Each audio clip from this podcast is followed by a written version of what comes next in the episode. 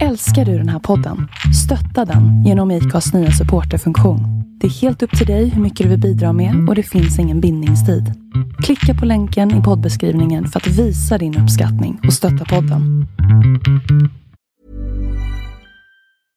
Hiring for your small business? If you're not looking for professionals on LinkedIn, you're looking in the wrong place. That's like looking for your car keys in a fish tank. LinkedIn helps you hire professionals you can't find anywhere else, even those who aren't actively searching for a new job but might be open to the perfect role. In a given month, over 70% of LinkedIn users don't even visit other leading job sites. So start looking in the right place. With LinkedIn, you can hire professionals like a professional. Post your free job on linkedin.com slash achieve today. Vad var det där för liten trumloop på slutet? Va? Vad fan? Jag tryckte ju på fel knapp. Ja, okej.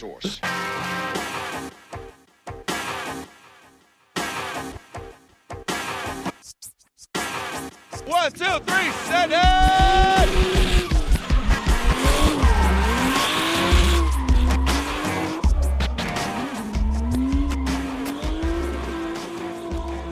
Hej och välkomna till ett eh, nytt avsnitt av Driftpodden med eh, mig, Henrik Andersson och Christer Hägglund. Och Robban Strandberg. allting bra? Ja. Det, Ja, ja nu. Det, är en sån där stor fråga i och för sig då. Och Allt sådär. är Ja, vi kommer relativt. komma in på det. Allt är relativt, men eh, Ja. det, det börjar gå mot jul och vi sitter här och spelar in och jag har druckit ett glas eh, glögg från Ica i och för sig, men eh, ändå. Det blir lite julstämning i alla fall. Ja, det är december. Det börjar bli lite kyligt. Det börjar komma lite vitt. Ja. Usch, det jag fick sopa snö på bilen i morse. Jag tycker inte om det. Nej, men eh, sånt är livet. Ja. Jag satt i trucken. Jag tyckte att Åh, men här ser det ut att vara blött och mjukt. Vad bra. Så kom jag så gasade jag på där med eh, jag hade bara 20 ton på i och för sig. Men det var ju stenhårt. Utan fjädring. Jävlar vad det studsade. oj, oj. Min bil är ju tydligen utrustad med sån här varningsindikering om att du är förföljd av ormar. För hela vägen till jobbet idag var jag följd av två ormar enligt den här lilla varningslampan. Det är en bil och så är det två ormar som förföljer en. Så, här. så hela vägen till jobbet idag var det sån här ormvarning. Jag Kunde måste... inte din personliga assistent hjälpa dig att tyda den där varningslampan? Men det ser ut som två små ormar bakom. Mm, ja, På, på sommaren har ju bilen i någon sån här sportläge och då, då bryr sig inte den om om det slirar i något hjulhus eller någonting sånt. Men nu på vintern då måste man ha den på annars kommer man inte från parkeringen. Mm. Men det är ju faktiskt så att det är inte en varning. Det är att bilen vill att du driftar. Den håller bara på att bromsa, det. bromsa på ena framhjulet med jämna mellanrum så det blir en väldigt ryckig, ryckigare körning än vanligt. Däremot på tal om körning så parkerade jag i, i, för någon dag sedan här jag var på den lokala ICA-handlaren och handlade lite grann. Så bredvid mig på parkeringen står det en, en, en 2020 5 liters Mustang, en mattsvart sådan där med de fetaste dubbdäcken någonsin sett i hela mitt liv. Jag var tvungen att fråga killen när han kom ut samtidigt som jag frågade om han inte hade den kaxigaste vinterbil man kan åka runt med. Han sa att han hade bara provkört den i en dag. I fjol så körde han en Charger och den var helt hopplös. Det är lite, lite kaxigt av Mustang på vintern. Mm, ja, faktiskt. Kanske inte den första bilen man tänker på att ah, men den där blir nog en, en, en bra säker vinterbil. Liksom. Fast den har ju mycket features. Det är bara det att när det börjar bli lite slaskigt med de där jävla jättebakdäcken. Man har ett av hans bakdäck är ju bredare än alla mina fyra hjul jag har. Ja. Och jag menar, tittar man på gaspedalen så lär det ju inte ha fäste. Typ. Om man säger så. Dagens avsnitt eh, från det ena till det femte kommer ju vara ett sånt här eh, mysavsnitt med oss goa gubbar. Så att säga. Eller surgubbar eller vad ni vill kalla det. och så här griniga gamla gubbar spekulerar är väl det heter. Ja, snillen, nej, griniga gubbar spekulerar. Men i alla fall, vi kommer prata om vad som har hänt. En hel del. Trots att det är pandemi och alla saker och sånt där så har det faktiskt hänt en hel del. Eller hur grabbar? Mm, ja, det är ju ett tag sedan vi spelade in så det har ju hunnit hänt lite faktiskt. Ja, men vi kan väl ta och börja med, eller ja, ska vi berätta egentligen? Ja. Vad, vad tycker ni? Jo, men det tycker jag väl. Robban, börjar du? Ja, det var ett litet avbrott där så då tyckte jag att då, då vill jag Jag hade lite downtime att jag ville förkovra mig i saker och ting. Så jag har pluggat en massa ljud. Så jag är snart klar att bli skulle få någon form av utbildad ljudtekniker innan det här är färdigt. Då. Så det kanske låter lite bättre innan det är färdigt. Det blir ju sådär, jag har alltid pluggat så när jag pluggade på Mitthögskolan som den hette då för typ 20 plus år sedan så fastnade jag för det där. Så varenda år har jag, alltid, jag, jag har pluggat de senaste 20 åren bara för mitt personliga nöjes skull. Eh, Robban, du menar alltså att nu kommer vi få ännu mer skäll, jag och Christer, när vi tabbar upp med ljudet? Nej, nej, det, är väl det, det är väl det vi ska försöka undvika. Vi ska försöka bli så bra som möjligt. Nej, det är väl mer en, en, Ja, en, en sån här redigeringsfrågegrej som jag, jag har väl blivit lite nördig, intresserad i hur så kompressorer och såna här saker, noise gates och sånt fungerar. Jag vill grotta ner mig lite mer på den hårdvarubiten. Så nu måste man väl skaffa sig ett rackskåp och ha hemma snart. Man får väl flytta ut i garaget eller ner i källaren eller något sånt här då. Mm. Jag kan tänka mig att eh, vi skrapar nog bara på liksom, eh, eh, isytan utav Ja. det här. Jag trodde jag Egentligen. hade hyfsad koll, men jag vet ingenting. Det är liksom bara inse. Jag är, jag är en sopa, jag har ingen aning vad jag håller på med. Ja, Fast självinsikt är ju trevligt. Det ger ju en möjligheten att lära sig. ja det är det. det, är det. Ja, men så är det ju. Så är det, helt klart. Eh, Jag kan ju säga så att jag är totalt, jag har 15 tummar i händerna när det kommer till redigering och sånt där. Eh, så att nej, det håller jag mig ifrån. Jag pratar mycket. Vi, vi låter det vara där. helt klart. Mm. Ja, min anledning till att försvinna ett tag var ju lite tråkigare då. Det var ju att min sambo gick bort eh, den 13 oktober. Och ni som följer mig på Facebook eh, och har sett, en del har ju eh, kanske sett det där. Eh, jättetråkigt och en jättestor förändring för mig och eh, de delarna av familjen som är kvar naturligtvis. Att det har tagit ett, eh, ett litet tag att få någon rät sida på det här. eh, Men eh, nu börjar vi väl att känna att vi är på rätt väg i alla fall. Så att, Ja, men det är skönt i alla fall att Lusten att podda kom tillbaka och snacka lite mer emellanåt i alla fall. Ja, ja. Mm. Ja, Men det, alltså det behövs. Sen är det, det är jätteskönt att höra att, att, att det går framåt. Det, det här är ju, som du säger, det är en extrem förändring. Mm. Jo, det. Och det, det dog ju ut, ja det dog ut där ett tag. Mm. Men jag känner ändå liksom inte att det är liksom ingenting som har påverkat eh, lyssnarna utåt. Så tror jag inte. Utan jag tror, Nej, vi får se. Ja, vi har ju fått lite glada tillrop. Vi hade ju faktiskt ett färdigspelat, färdiginspelat avsnitt som vi la ut i fredags som ju då spelades in innan det här hände. Mm. Ehm, och vi har ju fått lite glada tillrop att vi var tillbaka då när det gick ut. Så att det är ju väldigt roligt att höra. Så eh, nu så ska vi väl försöka få lite ordning igen och eh, köra, och som vi har sagt förut, blanda lite grann mellan de här eh, avsnitten där vi sitter och spekulerar om allt möjligt och så ska vi fortsätta våra intervjuer och så där. Vi har ju några som är planerade redan och vi har ju några som vi har pratat med och så där så att vi tror väl att vi ska vara på banan ganska snabbt när det gäller de delarna. ja, det tror jag. Det tror jag, helt klart. Ja, det är ju bara liksom en, en koordinationsförmåga numera. När, vi- helst vill man ju spela in on location för telefonintervjuer är all ära men det blir liksom ett ganska tråkigt ljud i dem Mm. och så blir det ju en, det blir en intressantare diskussion om man, om man ser personen i fråga som, Mm. jag, som man intervjuar också.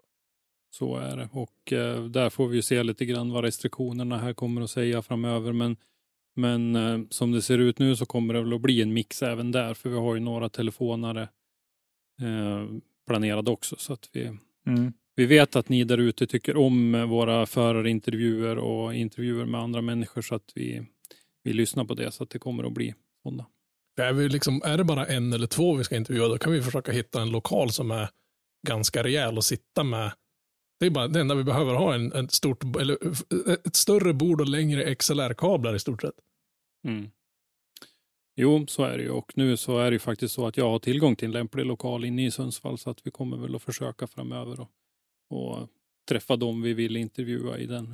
Det är ju en eh, fotostudio så att vi och där finns det ett rejält konferensbord och, och så där. Så att det, det ska inte vara något problem utan vi, vi kommer att blanda som sagt lite live eh, och lite telefonare. Det blir lite resor upp till Sundsvall hör jag med andra ord. Mm. Ja. Tycker jag. Ja, det måste det vara. Eh, nej, men sen, det, är, det är samma sak när man sitter i intervju över telefon så är det väldigt svårt ibland att hitta de här vinklarna och följdfrågorna eftersom du inte ser personen i fråga Mm. och sådär. Det är det. Och även eh, kontrollera ljudmiljön för den personen också. Vi, vi eh, eh, du, Robban berättade ju om min stora fadäs när jag intervjuade Magnus Bertling att vi fick göra om den intervjun som ju då lyckligtvis blev bättre andra gången innehållsmässigt också. Inte bara ljudmässigt utan även innehållsmässigt. Men, eh, men det var ju en sån grej där jag inte tillräckligt eh, var, var, inte var tillräckligt noga med ljudmiljön på den andra sidan och det, är- det är ju ganska viktigt ändå så att man, man så att intervjupersonen hörs ordentligt och sådär. Så att det där är, det är lite klurigt med de där bitarna. Vi har gjort en del telefonintervjuer och det har blivit jättebra men, men den gången blev det inte bra. Så att då, Bacon i duschen-incidenten kallar vi den. för. mm, ja, precis. Fast jag, jag, jag tror inte det var ett, ett handhavande fel. Jag tror det bara var något knas med själva upp, alltså anslutningen via, för, för det lät bra i Mm. början, de första minuterna och sen bara totalt haverera ljudet. Mm. Så jag tror inte det var någon, någon som gjorde någon justering utan det var nog bara, jag vet inte om det var via Skype eller någonting du körde den intervjun. För, för något, Mm. något knasade ihop totalt så det, det gick banne inte. Jag har till och med pratat med, med duktiga ljudtekniker som jobbar på Sveriges Radio och folk i, som sitter i musikstudios hela dagarna. De bara ruskar på huvudet och sa att det här går inte att göra någonting åt. Det går att ta bort ljudet men då försvinner även talet. Så då är det liksom bara ett mutat spår sen. Mm. Ja, nej men som sagt, vi, vi kommer att, att fylla tiden framöver här med lite olika varianter så att eh, det, det är skönt att vara tillbaka. Ja, vi kan i alla fall säga så här att eh, ni blir inte av med oss. Nej, Om jag säger så. Det, det, är, det är helt och hållet upp till dem själva om de väljer att lyssna på oss eller inte. För vi, tänk, vi tänker i alla fall fortsätta. Sen om det är bara tre personer som lyssnar på det, det vill säga vi tre, det är ju skitsamma. Ja, ja, ja, vi, vi kör på. Det är lite här mental terapi att hålla på med sådär. Där måste säga att det har, man har, jag har haft ruskigt mycket fritid den senaste tiden tänkte jag säga. Men, men det, det går ju åt några timmar när man är ny på att liksom producera en podd så, så är det ju, man har inte lärt sig alla genvägar i redigeringen och sådär. Så det tar ju lite längre tid än vad det borde göra. Nu borde vi kanske kunna snabba upp den där lite, lite mer nu då. Men sen kan du väl heller inte, om vi pratar redigering, du kan väl inte skapa sådana här uh, presets? Som till exempel när du redigerar en bild. Ja, lite, lite grann går det. När man, färdiga filter och sånt. Som, som din röst och, henne, och, och Christers röst är ju lite annorlunda. För Christers är väldigt mycket mullrigare än din röst till exempel. Så då har jag färdiga, Ja, ja. färdiga filter som jag bara slänger på era ljudspår sen. Så behöver man inte sitta och tweaka dem. Utan, eftersom din röst låter ju i stort sett likadan varenda gång du pratar. Så slänger man bara på de filtren och det sparar, jo. sparar väldigt, väldigt mycket. Och nu det var den där gången han hade lite tajtare jeans som den gick upp ja, två toner. ja, men precis. Ja, och sen, och sen när jag blir lite exalterad så pratar man västmanländska och lite Ja, dalmål inblandat. Och framför, ja, ja. framförallt så är det väldigt skönt att höra att du har flyttat in i värmen Henke. Mm. Ja, det är faktiskt rätt skönt, måste jag säga. Sitt, sitta Jag i bilen och, och podda i den här kylan tror jag inte är någon höjdare. Det blir mycket sådana här tandskallar man får försöka klippa bort.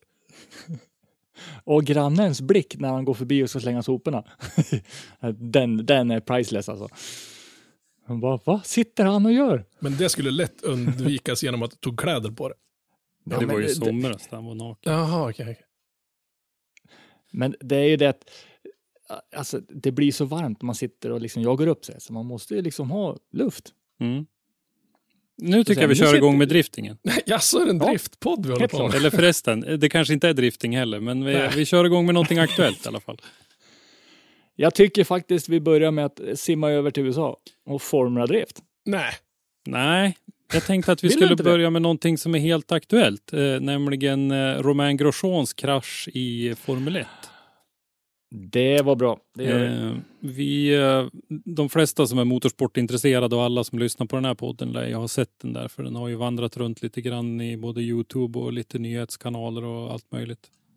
Och eh, det var ju en, en fruktansvärd smäll och det vart ju en helt horribel brand och eh, bilen gick i två delar, varav den delen som Grosjean satt i trycktes igenom det här säkerhetsstaketet, så att den var ju framdelen, monokockerna var ju på, på andra sidan om eh, staketet. Han måste blivit som en kil som bara liksom gick Ja. rakt igenom.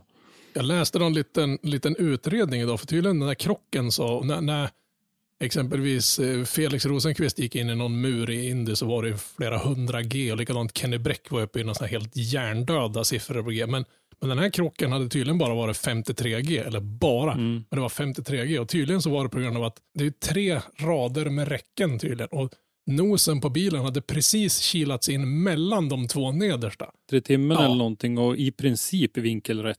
Ja, och det, och det, han, och det, och det tog stopp på två meter.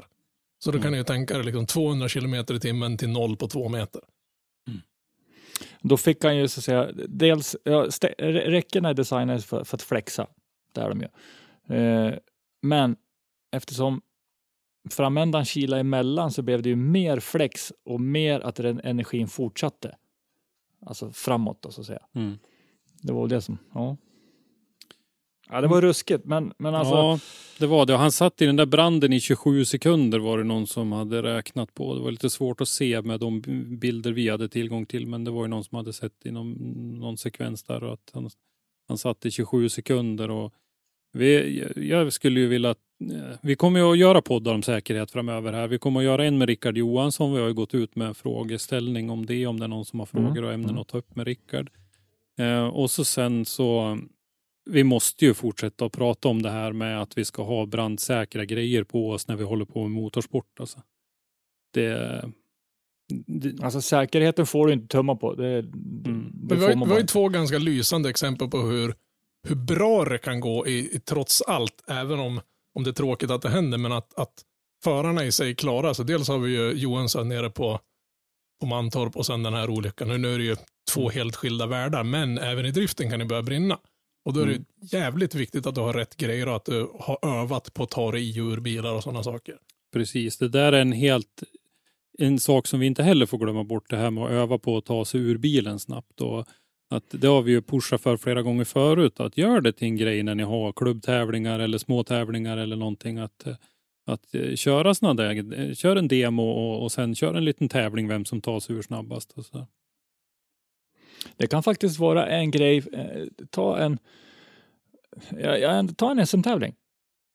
Och sen på fredagen, bara som en kul grej, Mm. ha en sån här publiktävling då att, eh, att förarna då får, de som ställer upp får testa, se hur snabbt de kommer ut. Mm. Som i Indycar till exempel, där kan du mitt under en pågående tävlingshelg kan en, en domare eller en besiktningsman kräva att teamet ska göra en sån här emergency bailout. Så då får föraren strappa i sig bilen in i, i depån och så har han fem sekunder på sig att ta sig ur bilen.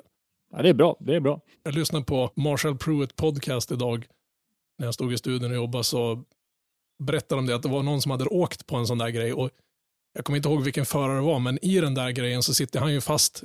Overallerna har ju kommunikationsutrustningen och allt sånt. De- De har ju någon sån här navelsträng de sitter i och han sprang ur sin bil så fort så han slet sönder den så den slets ur kommunikationssystemet i hans hjälm slets sönder. Det här var typ sex timmar innan start. Och det, och Åh, det, nej. Det, det är inte bara ett par öronproppar de där grabbarna kör med. Det är en ganska avancerad grej som sitter ingjuten i hjälmen och sådana saker. Han fick köra med reservhjälm den tävlingen, så han var måttligt road på den där äh, crash court-grejen. Men det är kanske något som, som de borde börja med i svensk drifting också, göra sådana här pitstops. När de gör en sån här säkerhetsrutingrej och välja ut någon eller två förare varje tävling att kolla så att de verkligen lyckas ta sig ur bilen inom utsatt tid. Ja, kan man inte sätta det som ett krav? Det är väl ett krav på att du ska lyckas ta dig ur inom en viss tid? Då? Eller? Nej, nej, inte så Jag på låt- rak arm vad vet. Jag låter det vara öppet. Jag har inte sett något sådant krav, men det behöver inte betyda att det inte finns. Men det det är också en bra fråga till Rickard i och för sig. Mm. Eh, vad, han- vad han tycker om sådana övningar, sådana regler, krav. Mm.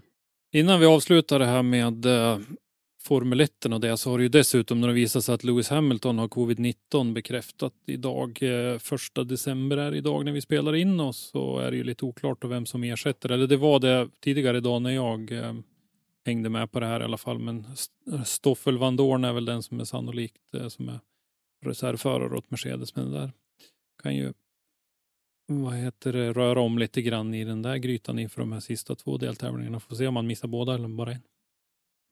Det kommer bli lite mer intressant alltså. Ja, det, det är jättetråkigt att han har åkt på det här. Jag hoppas han får en väldigt lindrig version, men samtidigt för F1-sporten så kommer det bli jävligt intressant de två senaste tävlingarna. Eller sista tävlingen här nu. Och sen, sen kan man ju tänka på hur snabbt det gick. Eh, Han, eh, jag läste om det här senast för en stund sedan och då, han testade sig tre gånger under helgen Mm. för det här. Eh, på, mån- eller på måndagen då, då fick han reda på att en kille som han träffade innan helgen hade fått covid. Och då testade han sig och då fick han positivt. Sen började han känna av lite grann. Jag tror att det är Max Verstappen som har bett någon hosta på någonting som Hamilton skulle ta i. Ja, jo, det är inte omöjligt. För att gå tillbaka till, till eh, Romain Grosjeans krasch. Eh, tanken i en F1-bil, den är ju mjuk. Och den sitter alldeles bakom föraren. Men har då, jag har inte sett någon förklaring till varför den... För det var väl den som brast så att det blev att det började brinna.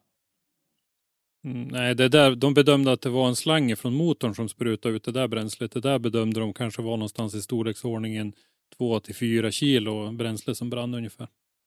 Jaha. Så Ja. det var Mm. inte hela tanken, inte för då hade det ju varit Inferno som hade varit eh, giganormt. Vi pratar inte om sån här Ja, svanenmärkt miljöklassad tändvätska de kör omkring på så man får, får gå efter en dunk diesel för att få eld på den bara i sin tur. Nej, du, den där soppan är nog eh, hemlighetsmixad, blandad. Men eh, aktuellt, nu har vi tagit lite aktuellt. Ska vi ta en säsongssammanfattning nu då? Ja, det gör vi. Det Men då tycker jag vi börjar med, ska vi börja med, med Formula Drift? Ja, vi har ju några omgångar kvar att redovisa där som vi av förklarliga skäl då inte har pratat om än. Men eh, Mm. femman och sexan där kan väl du prata lite om Henke? Det var ju du som rapporterade om dem. Ja, det kan jag. Eh, runda fem, Texas Motor Speedway. Eh, även runda sex då. De kör ju dubbeltävlingar hela tiden. Eh, under runda fem så fick vi ju se Ryan Turk verkligen kliva upp. Mm. Han körde riktigt, riktigt starkt med sin eh, ny för året för han då. Eh, Toyota Corollan som han kör är ju inte ny egentligen då, men.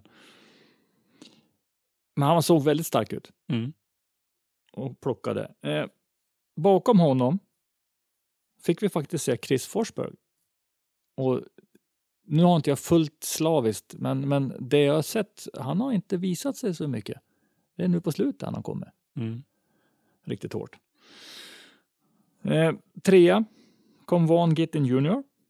i sin, om vi jämför ettan och tvåans bilar, sen så kommer då megajakten eh, Ford Mustangen. Det är som en jävla oljetanker nästan. Ja, Mm. typ. Han kom i alla fall trea. Eh, när det kommer till deltävling 6, dagen efter, så var faktiskt Chris Forsberg den vassaste. Mm. Han tog det, men, men det, var, det var stökigt, den tävlingen.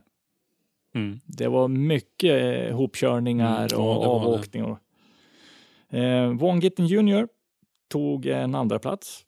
Chelsea Denofa, hans teamkompis, tog tredje platsen. Mm. Men eh, rundans eh, största överraskning var ju Adam LC Mm. som verkligen visade, visade framfötterna där. Mm. Ja, han klev upp lite där. Han hade väl inte gjort bort sig innan heller, men här klev han ju fram och, och tog sig ju ända till topp fyra då.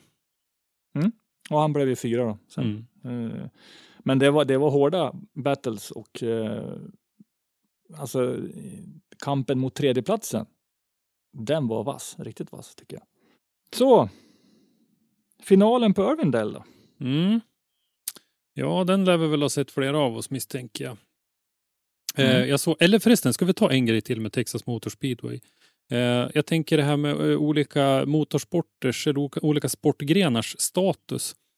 När eh, de här höll på och körde sin, kanske var typ topp åtta eller någonting, jag kommer inte ihåg vilken av dagarna det var. Då körde Nascar och tränade utanför. Då. Eller var det på var det prisutdelningen? Det var ju någonting så att ljudet störde ju. Nå- Ja, det, det var inte bara det. Dels hade de ju en, en träning, för, en öppen träning för, för förarna som ska köra. Sen hade de något evenemang, men sen var det ju även så att du kunde ju, du och jag, om vi hade varit där, hade vi kunnat typ så betala en hög med pengar och fått provkört en Nascar i ett par varv. Mm. Så det var ju massa kreti och pleti som knappt visste vad de höll på med som for runt och förde ett jävla liv där också. Ja, samtidigt som det var liksom Ja, top level drifting på innerplan. Ja, nej, det var lite lustigt. Men eh, Irwindale som sagt, eh, där hade de ju faktiskt lagt om banan lite grann nu då med någon extra krok där på slutet och, och lite sånt där. Och då försökte man ju då hålla uppe intresset lite grann genom att man körde då deltävling 7 i Pro på fredagen, men sen så körde man Pro 2-finalen då på lördagen och så Pro-finalen sist då på söndagen. Tidigare Mm, är ju de här dubbel, när det har varit Pro 2 också så har man ju kört eh, Pro 2 på fredagen och sen Pro Pro efter varandra. Men nu så vill man ju ha finalerna då efter varandra. Och eh, där i runda sju då så var ju en, en av de som hade möjlighet att komma ikapp Gittin var ju faktiskt Fredrik Åsbö och han visade ju under fredagen att han tänkte försöka göra en, en riktig satsning och, och komma ikapp. Han vann ju första deltävlingen och var ju bra med från början men har ju dalat lite grann efter det. Men här så tog han sig till final då mot Michael Essa som han vann. Så han, tog ju det, han gjorde ju det som behövde göras där i deltävling sju och så Michael Essa då tvåa som sagt och Chelsea Denofa han höll ju hög och jämn nivå hela tiden tycker jag så att han, och han kom på tredje plats. Mm. Mm. Eh, så att eh, han, Åsberg skapades ju liksom de bästa eh, förutsättningarna han kunde få till, eh, till eh, omgång åtta. Då. Men däremot så blev det lite problem för honom redan där under eh, segerburnouten på fredagen för då hände det ju någonting med motorn och då fick ju teamet då klämma in reservmotorn. Det är ju inga problem för de där teamen att byta motor över natten. Eller de hade ju till och med en och en halv dag på sig. Ja, De där byter väl motorn på tio minuter. Ja, det går fort. Ja, men det var ju bara det att den där höll ju inte länge den heller, utan då redan när de skulle träna på söndagen så hörde de lagerknack och eh, vågade inte köra något mer då. Så att då, då missade ju Fredrik all träning. Eh, och, Oh. eh, men teamet då byggde ju ihop en, en motor av de där två så att han hade ju en motor åtminstone. Så när, när det då blev dags för första batten i i eh, fredags eller i eh, söndagstävlingen då eh, gjorde han ju ett, ett misstag. Och det kan väl delvis kanske förklaras av att det var ju fredagstävlingen då var ju sent på kvällen och det här var på dagen så att det lär ju ha varit väldigt eh, skillnad på greppnivåerna och så där. Han hade ju som sagt inte fått ett enda träningsåk. Och sen Så- har de väl inte, de har väl inget kval nu heller. Som de har väl Nej. knappt, de har ju, vad ska man säga, antalet körda varv måste ju ha minskat drastiskt i år jämfört Mm. med i fjol.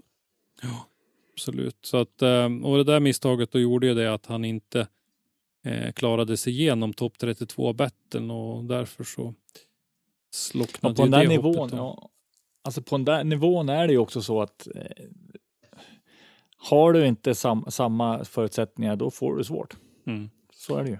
Och det som var så synd med det här var ju att det, det lottas ju som sagt då på något vis, eh, halvförutbestämt vis det här nu när de inte har kvalat. Och, och det som var grejen var ju att om Fredrik hade vunnit sin 32 battle så hade han ju fått mött just Vaughn Gittin Jr i andra, alltså i, i topp 16.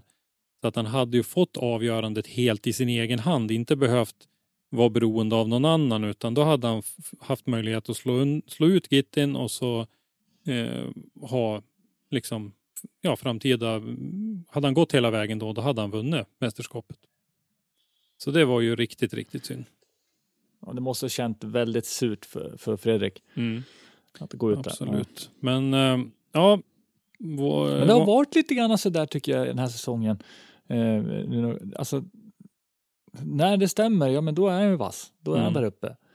Men sen så dippar det och det, det, det har varit stora dippar på något Ja. sätt. Men uh, Gittin Junior ledde ju mästerskapet då fram till eh, det här och han tog sig fram till topp 8 och det räckte ju då för att ingen av de andra skulle eh, ha någon möjlighet att, att eh, komma ikapp. Uh, Ode Bakshis vann den här åttonde deltävlingen för eh, Chelsea Denofa med igen och Justin Pavlak på tredje plats. Det känns som att Denofa är en ganska, även om man inte har några så extrema topplaceringar, han verkar vara väldigt stabil. Mm. Han har varit där i år. Han är liksom där uppe Mm. hela tiden och bråkar. Och det, det är klart, det ser man ju på slutställningen också. Att, eh, Mm. Men han samlar ju poäng. Det, så gör han ju. Mm. Men vad, vad, vad gjorde Turk då? Ja, han eh, fipplade ju bort sin egen möjlighet då där han, han körde ju in i Jonathan Naren. Och eh, just det. Ja. han, eh, gjorde en helt okej lead, men sen så tappade han lite grann i, i chasen och när han liksom fick fart på den där lilla Corollan igen då, då eh, kom han kapp och Jag vet inte om han satt och sov i starten, för, för så där Ja, långt efter brukar han inte vara. I och för sig, Nej. när, när ens bil går väl inte av för hacken, men så mycket extremt snabbare är inte den. nej. Så något måste ju ha klatrat där ganska rejält. ja, Han hade, han hade helt enkelt synen eh, bortanför närens bil. Ja, jag menar, han, Ja, han, så han har ju haft en, en bra chans att klättra och, och göra någonting bra ifrån sig där, men det ah, blev som det blev då. Mm. Ja. Ja, det, var, det var lite roligt man såg inifrån depån när, de, när, de, när det stod klart att Gittin skulle bli mästare nu när, när han körde bort så där. Han, han fattade inte själv liksom, utan det var alla runt omkring fick liksom nästan övertyga honom det, det är klart nu, du har vunnit. Liksom. Han, han ville Mm. på något sätt inte köpa det ändå nästan. nej. Det är tio år, precis tio år sedan förra gången. Det är lite schysst. Och så såg man att, hur mycket det betydde för han. Jag menar, Mm. Det är klart, det betyder Ja, säkert lika mycket för länge, James, det- James Dean när han vinner, men nu börjar han bli nästan tjötig. Så att säga. Så för, för FDs skull så var det nästan bra att Dean inte var där och, och, och petade så mycket. Så slutställningen då blev ju Vaughan Gittin Jr 540 poäng, Chelsea Denofa 500 poäng, Ryan Turk 484, Fredrik Åsberg 448, Chris Forsberg 429 då är topp fem där och eh, Chelsea Denofa och Vaughan Gittin Jr kör ju i, i Gittins team. Så att säga, Mm. så att eh, med de här RTR Mustangerna. Så det är, det är ju en riktig framgång att bli etta två. Och Adam LC blev Rookie of the Year. Mm.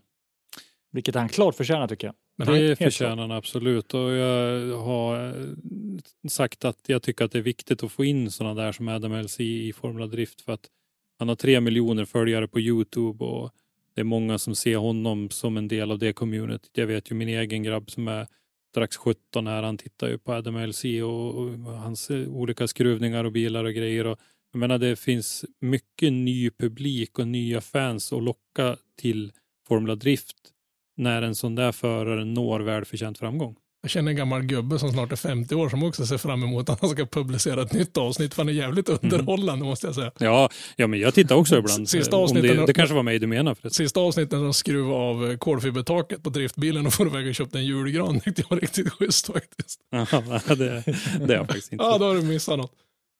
Han fick ju, det jävlade sig lite för honom också så att han fick ju hyra en bil i Mm. Sjunde där. Fick Ja, han, han ju ta också Odi något- eh, reservbil. Han hade väl också en motorstrul där för Mm. mm. Men på tal om Odi Mm. Baxic, det vart, vart jag lite förvånad att han, fan vad han är bra. Mm. Ja, ibland. Ja, jo, jag menar, han är av eller på. Ändå är han, är han helt Mm. jävla lysande eller så undrar man vart han tog vägen. Men han har, jag vet inte, han är, han är fruktansvärt duktig på att köra chase.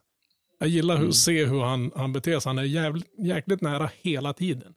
Ja, han är duktig. Han bör- började ju förra säsongen riktigt, riktigt vass men sen sjönk han ju iväg undan. Så att, eh, ja, nej, en duktig förare helt klart. Men jag tror även drift, alltså driftingen behöver även eh, i Sverige eller över hela världen eh, sådana folk som kan liksom dra in Mm. via stora communities. Ja. Vad tycker vi om Formula Drift 2020 då? Jag menar, det var ingen Dean, det var ingen Zizek, ingen Daigo Saito, inget kval, vilket jag fortfarande inte har fattat. Nej, inte jag heller. Eh. Delen de gjorde. En supertråkig bana. Jag saknar kvalet. Det vart intressantare på grund av att Dean och kompani inte var där. Mm. Ja, en bra summering faktiskt. Eh, Mm. Ja, Ja, Daigo Saito kanske jag saknade lite mer för jag som är så att säga hyggligt ny inom driftingen. Jag har ju inte sett honom i, i något tävlingsmotstånd som jag kan utvärdera eller veta någonting om så att säga. Så det hade varit roligt att se honom mäta sig med de här som jag ändå har följt med några år nu. Eh, Dean och Wiesek, eller åtminstone Dean tror jag som sagt att det var bra att han inte var där. Eh, så, så, så där tror jag min slutsummering av säsongen blir. Jag tycker att det var jättebra av dem att, att få till en säsong och att de, de lyckades ju ändå få till en, en, en skapligt rättvis säsong liksom med de här dubbeltävlingarna på varje ställe och allt det här. Så att jag, eh, det, det är ju naturligtvis stort ändå. Det är det ju. Om vi jämför med Ja, vad, alltså- vad Drift Masters lyckades med till exempel.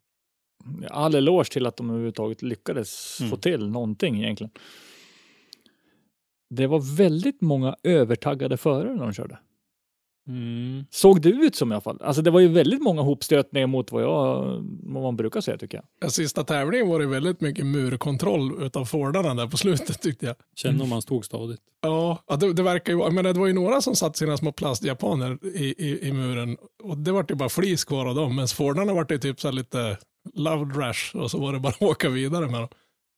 Ja, nu när vi ändå är inne på Ford då, så var det ju de som tog hem eh, märkesmästerskapet då, med 1140 poäng och Toyota blev ju tvåa då med sina tredje fjärde plats. Eh, 980 poäng och Nissan 716 poäng och där eh, det var väl bra med en Ford-seger och när vi diskuterade det här i våran eh, Driftzone chatt så hade ju Göran Röjhagen en ganska bra synpunkt på det där att det var en, eh, att det var riktigt bra med en Ford-vinst eftersom de faktiskt är en av de få biltillverkare som lägger lite pengar i, i det här och satsar på udda motorsporter så att de får en, en framgång och lite payback på den satsningen är väl bra för de har ju, de har ju samarbete med eh, Von Gittin Juniors eh, RTR så att eh, eh, och det här var ju faktiskt bara Fords andra mästerskap. Och eh, det var tio, som sagt då, tio år sedan sist för det var ju Von Gittin Junior då också. Man kan ju hoppas i framtiden att fler renodlade bilmärken kommer att blanda sig i sådana här saker. Ja, de har ju varit med och hoppat av så här så att vi får nog faktiskt eh, lyfta oss själv lite grann och försöka locka tillbaka de här stora Mm. satsningarna.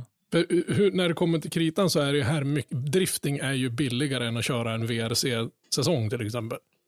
En, en VRC-deltävling. Ja, ja, ja, ja, ja det kanske är. Formula Drift är billigare än en VRC-deltävling. Ja, det kanske du har rätt. Ja, Toyota då är ju det andra märket som backar upp ett team eh, via Papadakis Racing. Då. De eh, skulle ju också behöva få ett mästerskap. Ehm, de var ju, gjorde ju en fin insats i år då, trea och fyra är ju inte fy skam så. Men... Ehm, jag gjorde faktiskt en liten maratontabell för eh, märken också när jag, när jag höll på att diskutera inför det här. Då. Där är det ju Nissan som leder med nio mästerskap. Dodge två, det är ju Samuel Hübinette bägge två. Då. Ford 2, Pontiac 1, Lexus 1, BMW 1 och Scion 1. Det var ju Fredrik Åsbös då, och det är ju egentligen en, en rebrandad Toyota. Men ja, Vad kan vi mer säga om eh, Formula Drift? Det finns väl inte så mycket. Vi har ju inte, vi har inte hört någonting om nästa år heller egentligen. än. Nej. Allt är ju öppet då, men vi kommer fram dit. Vi har en, en annan avdelning om, om hur det kommer att se ut nästa år där vi kan fiffilura lite grann kring det. Men i, när det gäller den här säsongen så är ju, jag är faktiskt besviken på Fredrik Åsbös säsong. Jag hade hoppats på och jag hade förväntat mig mer. Och eh, jag tycker att det är eh, lite synd att det är två stycken händelser som jag tycker var ganska viktiga. Han vann första deltävlingen, han vann sjunde deltävlingen. Men den här sammanstötningen han hade med Matt Field i, i andra deltävlingen, den blev väldigt viktig. Hade han fått en, en framskjuten placering även i deltävling två, då tror jag att det hade kunnat sett annorlunda ut. Och så sen då det här personliga misstaget han gjorde nu i, i eh, topp 32 i deltävling 8, den, den får han ta på sig helt och hållet själv. Även fast jag är medveten om att han inte hade tränat så, så var det ett misstag av honom själv. Så att jag är faktiskt besviken och jag hade förväntat mig mer. Och det hade suttit riktigt fint med eh, med en seger då eftersom den här nya Supran är ju ganska ny fortfarande så att han hade ju säkert kunnat hjälpa till lite grann i lanseringen av den där borta. Nästa säsong då kommer det vara ett par Mustanger, någon stackars överbliven Nissan och bara Suprar. Man kommer vara så jävla dödlig på att se Suprar som driftar så det finns ingen hejd. Ungefär som man är på Supra Mark 4. Ja, ja, men, ja men precis. Det är nästan som man blir glad när man, när man, när man ser någon äldre Supra. Men alltså det, det, för det verkar byggas Suprar på det till höger och vänster. Och det blir kul att se om den, om den är så bra som de tror. För det är väl bara en Supra som inte har havererat hela säsongen. För jag menar, Aspe hade ju något, något insugsproblem där man kanske inte ska 3D-printa allt bara för att det är lättare. Och då har de väl lärt sig den hårda vägen nu då. Ja, för jag menar, alltså det blir ju extrema eh, tryck. Så frågan är om 3D-printningen faktiskt är något hållbart i det läget. Jo, det går, det går att 3D-printa det där, men man måste ju designa det utifrån. Mm. Ja, men det är, det är mycket trial and error, för det är det ju, helt klart. Corollan var, gick väl inte sådär Oh ja, oh ja. superkanon i början den heller. Ja, ett tag tyckte jag att eh, motorn gick på träningen, motorn Ja. gick på kvalet. och Ja, sen det så, käkar ju motorer ett tag, den där, den där lilla fyrcylindriga. Men den har, verkar ju faktiskt ha gått bra för, för Turk i år. Jag har inte hört så mycket snack om att den har... Ja, de hade väl, jag såg något, eh, någon YouTube-klipp de hade där. Då hade de väl byggt om lite andra saker och ändra lustgassystem och sådana saker för att den skulle vara mer driftsäker. Den kanske tappade lite effekt men den vart mer stabil att köra. Mm, mm. Ja, ska vi ta nästa serie? I vår Ja, årssammanställning. Den enda tävlingen som var Driftmasters European Championship-serie. Om vi säger så då. Precis, det var ju mycket fram och tillbaka där. eh, Vi fick en kalender ganska tidigt. Sen strök man första deltävlingen. Sen, eller man flyttade första deltävlingen långt fram på hösten och sen la Ja. man om säsongen helt och hållet och innan det var färdigt och så var man ju tvungen att inse att Driftmasters European Championship skulle bli en enda deltävling i Riga. Och då blev det ju Driftmasters King of Riga istället. Mm. Ja. Precis. Ehm, Ja, där vi vann ju James Dean då mot Piotr Wiesek, kommer vi ihåg från i augusti. Ehm, Och eh, vi hade ju ett gäng svenskar som var med. Ehm, Linus och Viktor Joensuu. Vi hade Christian Erlandsson. Vi hade Jocke Pontus Andersson. Hartman och Jocke Andersson, ja precis. Mm. Fem stycken som var där och säkert lärde sig en hel del. Och ehm, ja, det var väl en, eh, det var väl en bra tävling. Vi, eh, hade, vi var ju på Mantorp Park och hade Gatubil Drift Series den där helgen, så vi tittade ju inte jättemycket, men det man har sett tycker jag väl ändå har eh, sett bra ut, att det var en bra nivå på, på tävlingen. Ja, det tycker jag. Eh, Det var ju väldigt, väldigt tajt just finalkörningen då med Mm. James och Piotr. Det märks att det är två killar som har kört, som har lekt ihop förr om man så säger. Mm. De har ju, de har ju kunnat samåkt i en bil, alltså det, det var nästan löjligt att säga. Och sen tycker jag att det är faktiskt, eh, om vi tar då Jensebröderna och, och Jocke Andersson då som, det var väl första gången för de tre. Mm. Men alltså åka, första gången man åker iväg på en sån här stor grej så får man åka till den där banan under det här förhållandena. Där det har skjutits på, man kanske inte är riktigt taggad och banan var ju som en puckelpist. Ja, men alltså den banan är ju väldigt eh, guppig. Just där de lägger driftslingan. Man såg någon bild när de hade fotat längs med banan och det, alltså, det är ju fan meter i nivåskillnad på det stället. Ja, ja snudd på. Ja. jag, jag, jag, tänker, jag tänker på en bild man såg. Eh, nu har de ju slätat ut det där, men f- när man började få, se bilder från Riga när de körde sina tävlingar, då var det ju nästan så att de flög på den där kullen när de kommer upp eh, inför sista avslutande svängen. Då. Det kan inte vara underlaget som avgör nästan 50 procent av hur det går. Nej, banan får gärna vara teknisk, men den ska ju inte vara undermålig så att Nej, du ska, inte- du ska inte bara åka ner med en rallycrossbil för att ta dig runt. nej, nej.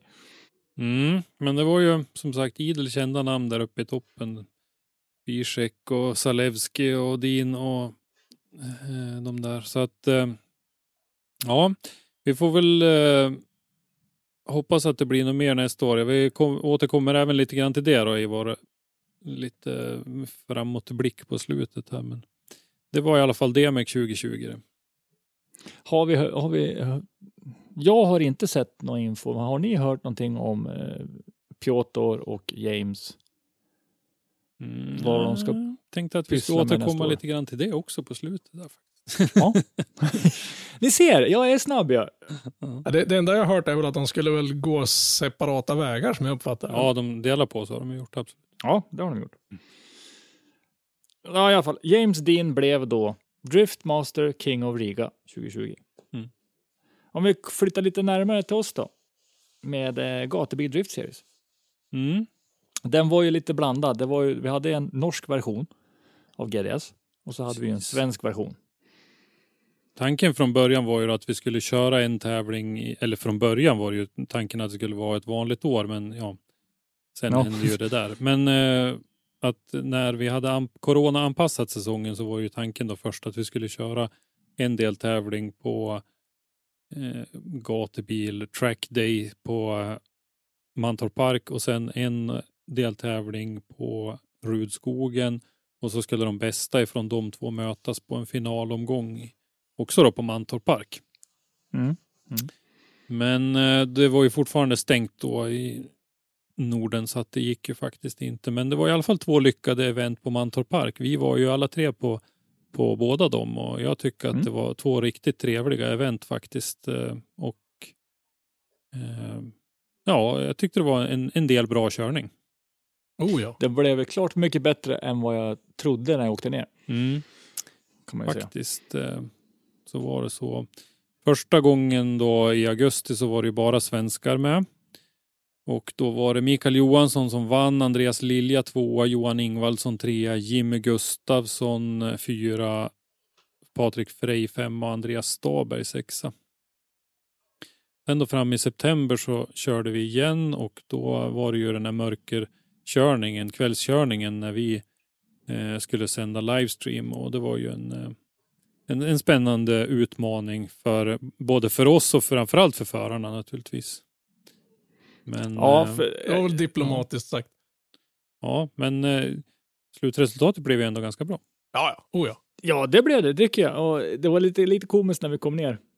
Eh, Så tittade vi på belysningen. Då hade de inte ställt i ordning det. Och då bara, no Jesus, hur ska vi lösa det här? Mm. Nej, det var, min mor brukar säga svart som ett sotararsle i advent och det var det faktiskt. Eh, Ja, så- det var nog två steg till tror jag. Men eh, i alla fall då så tog vi oss igenom den tävlingen och då var det Andreas Lilja som vann före Tony Averstedt, Joakim Andersson, Kasper Kristensen från Danmark och Alexander Granlund. då. Så att eh, en, en grej som jag bär med mig från GDS 2020 det är ju att jag tycker att Andreas Lilja har klivit fram till att bli en förare som levererar riktigt fina resultat mot bra motstånd. Vi får ju faktiskt komma ihåg att Andreas var trea i Sverigecupen 2018 ja Och, han, eh, han har tagit ett rejält kliv måste jag säga. Ja, han, han tog ju liksom klivet förbi RM då i och med att det inte blev några RM 2019 och då blev han åtta i SM och så nu då tvåa och etta i de här två GDS-deltävlingarna 2020. Det är riktigt bra gjort av Andreas och kul att se och jag hoppas att han fortsätter att- att satsa och ha bra stöttning så att vi kan få se vart, eh, vart det här kan ta vägen någonstans. För han har ju tagit, alltså, gigantkliv. Ja, lå, låt säga att det blir ett SM och ett gatubil nästa år. Alltså det blir en, en, en vanlig säsong. Vart vill du se han då? Ja, Jag skulle vilja se han kriga i SM. Jag, jag, jag tror att han skulle göra riktigt bra ifrån sig där. Det där, det där är ju en svår grej. Vi, vi har ju pratat lite grann det här om hur, vi, hur eh, olika serier värderas utomlands och sådär. Att det är en större merit att, att komma bra till i SM om du vill ut i, till DMEC eller liknande och sådär. Så att, nej, jag skulle vilja se han ta, eh, göra riktigt, riktigt bra resultat, alltså pallresultat i SM först. Skulle jag. Ja, befästa det först ja. Och sen, Mm. ja. Precis, och eh, på den där kvällstävlingen då så var det ju lite dramatik också där när Victor Joensus bil tog eld som vi, som vi sa tidigare. Så att eh, det blev ju en, och, och den effekten då vart ju jättemycket förstärkt av att det var kväll så att det syndes väldigt tydligt. Så att det där blir en, eh, en kväll att komma ihåg i alla fall. Oh ja. Oh ja. Och det, eh, det är alltid synd att det går så, saker händer, men eh, Viktor var ju snabbt ute. Ja, det var liksom, han var fruktansvärt snabbt ute i bilen. Det märks att det är någon som har övat på det vi pratade om förut. Jag kan ju säga så här, jag skulle inte klara av att komma ut på flera minuter. Jag tror inte ens jag kommer in i en Ja, bil. jag tänkte säga du ska vara glad om du lyckas ta dig in i bilen till att börja med. Ja. Och har man väl kommit in, då sitter man där liksom. Det nej. Nej, det är Ja. all heder alltså. Det var, det var bra att det gick så pass bra som det gick och jag är jätteglad att han inte varit skadad. Nej, man mådde liksom fysiskt illa av att se en sån där sak hända. Jag brukar ju lyssna på våra kollegor i Forsa-podden och Jakob Engelmark där han brukar ju alltid, han har ju ett, ett talesätt där. En liten brasa piggar alltid upp. jo, Och då, menar, och då menar han ju alltså ett motorhaveri så att det flammar till liksom. Eller Ja. Men, men det där fastnar lite i halsen på honom nu i och med Romain Grosjeans eh, grej här. Och, så att, eh, Han, han skulle fundera om han skulle fortsätta använda det där ut, uttrycket. Oh, oh, Men ja. nu hoppas vi att vi slipper se några brasor på ett tag här. Ja. Vi vill se som, Ehm. vad, vad hette den där stackaren som sköt motorn när vi var nere i fjol, där som nu, någon fick några riktigt snygga bilder på. Ja, Joa Pöytälä Ja, så, sånt kan jag tänka mig. Så här, woof, och så, Ja, för det ser ju dramatiskt ut på stillbild. Ja, ja, oh, ja. Men, men den där flamman var ju så snabb så man hann ju nätt och jämt se den ja nej. i, eh, i verkligheten. Liksom. Det var nästan rent under att man lyckas fånga den Ja. på bild, för så snabbt var det. Har en skitsnygg serie före och en skitsnygg serie efter. Jag Ja. missade precis den biten. Inget bitter över det. Eller? Nej, nej. Eh, ja, även norrmännen då eh, körde ju Gatubil Drift Series lite grann, Rudskogen i augusti. Och eh, där då så var det Andreas Övergård som vann, Tor Anders Ringnäs tvåa, Simen Olsen trea, Stian Björgängen fyra och Ole Mårten Davanger eh, femma. Det roliga där är ju att jag tycker att det är en, en salig blandning av eh, gamlingar och nykomlingar. Eh, och en lite mittemellan. Nej men eh, Tor Anders Ringnäs och Ole Mårten Davanger har ju eh, haft framgångar nu. Eller haft framgångar. Tor Anders är ju gammal i gamet och har haft framgångar tidigare. Men Ole Mårten Davanger är ju gammal norsk mästare för ett par år sedan här och hade ju slagläge på att bli gatubil Series-mästare. Men han havererade ju motorn inför finalen 2019 så den chansen gick om intet. Eh, Andreas Övergård är ju en sån här kille som har haft riktigt bra form under hela den här säsongen. Han gjorde ju bra ifrån sig i norska mästerskapet också. NDC. Mm. Så eh, det är kul. Och så då två stycken ganska nya killar inom den här elittävlingsnivån. Simon Olsen eh, och Stian Björgängen. Så Simon Olsen han har ju byggt också en, en ny Supra men han tävlade ju med sin gamla bil här på, på Rudskogen. De lanserade ju den bilen inför Rudskogen här så att eh, jag, mitt arma nöt, trodde jag att han tänkte tävla med den och var ju helt tänd på att se den där liksom. Och så visade det sig att de rullade bara ut den och visade den och sa nu har vi varit först i Norden, eller först i Europa med att bygga en driftingbil av en sån här. Och så Det använde var de väl inte ens en motor i honom? Jo, det tror jag nog att det var, men jag vet inte om den var helt körduglig faktiskt. Det ska låta osagt. Men de tävlade inte med den. Måste man inte tävla med den för att det ska gillas? Tycker jag. Mm. Jo, man kan ju tycka det, men ja. Fast de var och för sig först med presentera. Mm. Om man säger så. Ja. Stian Björgängen är ju en eh, kille som vi har sett en del på gatubil när vi har varit runt både i Norge och eh, han har väl även varit på Mantorp Park några gånger tror jag. Två stycken Mm. likadana gamla Supra Mark 4 som de kör med. Han och hans kollega. Eh, kul att det går bra. Han eh, ska väl göra en satsning på Gatubil Drift Series som jag fattar det nästa år. Mm. Ja, vi, vi får verkligen hoppas. Eh, Det är mycket. eh, Det är ett jättestort, typ enormt frågetecken kring nästa år. Så det är liksom inget. Swedish Drift Championship då, STC, som alla tittar på. Det blev det ju absolut ingenting av. Nej, Det sket sig. Det sket sig. ja, Det var ju en del eh, turer fram och tillbaka där och vi fick lite olika upplägg. Eh, Vi fick ju höra lite fler grejer än vad många andra fick eftersom vi var ju tänkt, eller vi var ju samarbetspartner och sända livestreamen då så att vi var ju med i vissa av de där diskussionerna och det var ju lite ändrade upplägg och man slog ju i princip dubbelknut på sig själv då för att kunna lösa det här på något vis. Men eh, den första juli så kastade man in handduken och det var ju då att flera förare hade ju hoppat av då på slutet.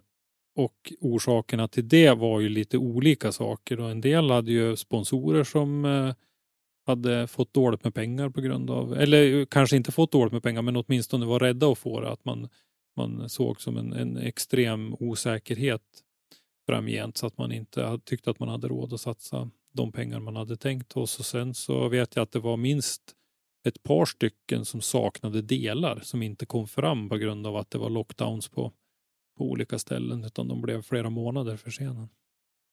Det var ett ganska bra beslut att, att packa ihop hela serien och inte försöka göra Ja. någon sån här eh, King of Riga lösning av det hela. Så att säga. Mm. Nej, det blev nog det rätta, tyvärr. Men ehm, tråkigt var det. Det är bara att hoppas på att det blir att folk slutar slicka på varandra och hosta varandra i ansiktet och så det blir någonting nästa år. Ja, Pavel Korpelinski han har ju inte legat på latsidan i alla fall utan han lyckades ju gå och bli mästare i Drift Open i Polen istället. Han. Ja, han fortsätter starkt framåt han. Ja. Det, det, Han gör det.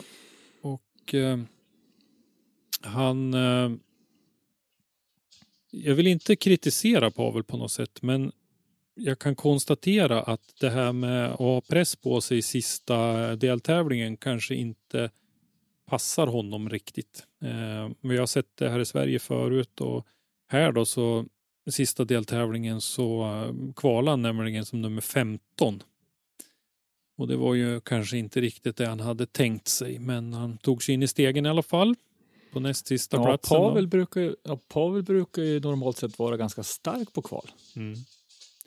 Precis, men ehm, ja, han tog sig in i stegen och sen så kom han igång och körde bra i elimineringen. Så att han vann faktiskt den där deltävlingen och blev Drift Open eh, mästare. Så att eh, han fick ett mästerskap med sig i alla fall den här konstiga säsongen också. Så att det är bara att ta, lyfta på hatten för Pavel och gratulera.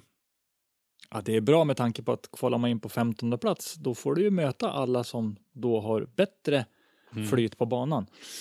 Så att säga. Det blir en liten halvsvettig helg. Mm. Ja. Han har ju rätt mycket rutin att liksom falla tillbaka på när det väl kommer till kritan. Så att säga. ja, för när han, när han väl sitter i bilen och kör, då känns det inte som att han påverkas utav det. Hade han inte kört någon, var det inte någon rallycross-tävling eller någonting han hade varit iväg och kört också? Mm, jo, han håller på med något sånt också. Men i alla fall så säger vi ju såklart stort grattis till honom. Mm. Ja, faktiskt. Jag tror Pavel har... eh, Nu går jag tillbaks till eh, Drift Masters-deltävlingen i Tyskland. Och hade liksom inte det blivit motorproblem, eller slangproblem, så hade han kunnat gått mycket högre också. Så att han, Mm. alltså det finns ju. Det finns Mm. ju mycket att ta av. Så att det, nej, vi har inte sett det sista av han. Jag vill att han ska komma tillbaka hit och köra lite i Sverige, för han är fruktansvärt rolig att titta på. Ja, jag vet inte. Han körde ju 2019. Nej, Nej, var det inte 18? 2018. Gjorde han inte? 18 var det. Nej, 2018. Ja, just det, just det. Han satsade på det märker jag. Just Mm. det, så var det. I alla fall, äh, vi hoppar raskt vidare Mm. till IDS, Irish Drift Series. Också bara blev en deltävling. Det kan ju inte vara kul att ta över en, en, alltså en serie, dra igång en massa hype kring det och sen bara se allting bara, nej. Mm.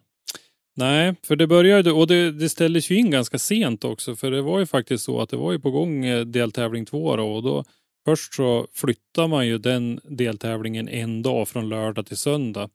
Eh, för att det var ju nya regler och, och grejer på gång då, coronarelaterat. Eh, men det räckte ju inte med det och visade sig utan hela deltävlingen blev inställd och, och, och sedermera även då den tredje deltävlingen. Och det var ju det där problemet då, återigen med tolkningar och vilka regler som gällde. I Irland just vid det tillfället då med, med folksamlingar i den här pandemin. Så de, eh, jag tror att det var sex personer eller någonting som var max eh, och och sådär så att eh, de skulle ju köra publikfritt och så men det visade sig till slut att det gick inte och, och få ihop det där på något sätt. Och han släppte Ed Powers som driver den där serien nu och släppte ett pressmeddelande. Var säker på att jag har kämpat med tänder och naglar i ett försök att se till att de återstående rundorna i Irish Drift Series 2020 kan gå som planerat. Eh, börjande där. Så att eh, det har säkert varit en, en, en tuff tid för Ed.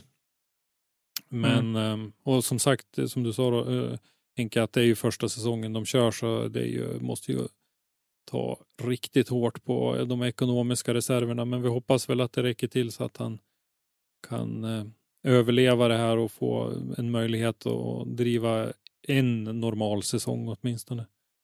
Men, Ja, för att jag menar, alltså dels då köpa över IDS, antar att det, det ligger pengar bakom det. Och sen har Mm. du inte kört en säsong innan, så du har ju liksom ingenting i kassorna. nej. Det, må, det måste känts. Ja, men jag har faktiskt stöttat IDS lite grann. Jag har beställt mig en eh, av deras hoodies i, i deras webbshop.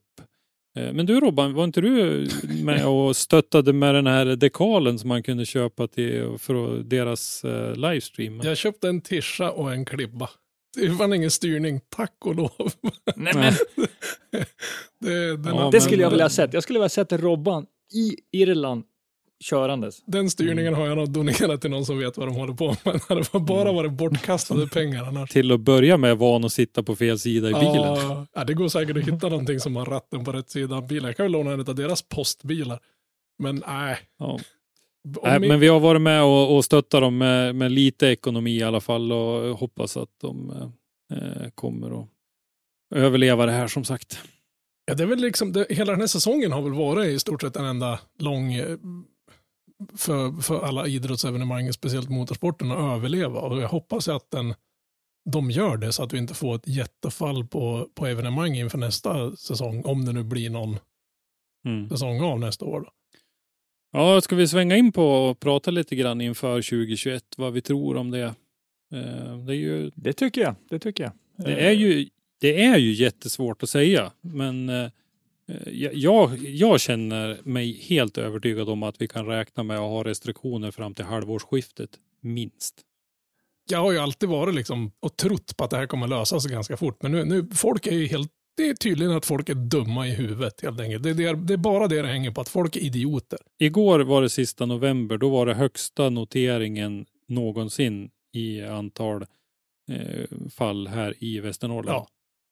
Högre än det var i våras. Ja, vi har legat jättebra till statistiken innan veckan som kom nu.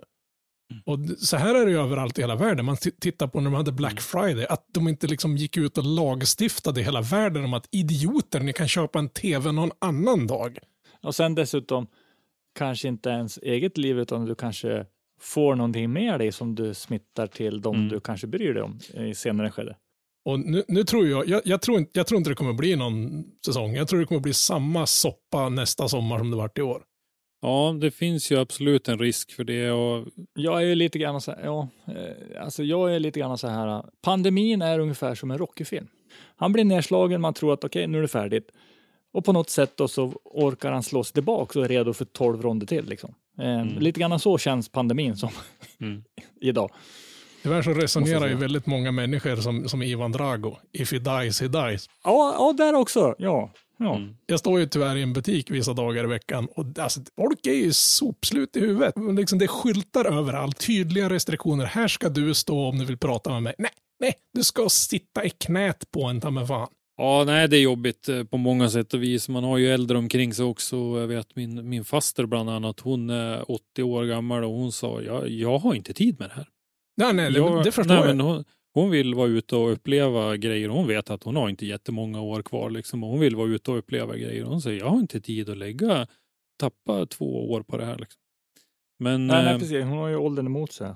men eh, ska, om vi ska kika lite grann då, ungefär framåt som en vanlig säsong ser ut så brukar den ju börja med Elmia och påsksladden. Och Elmia de har ju redan, eller Bilsport är det ju, Bilsport Performance and Custom Motor Show.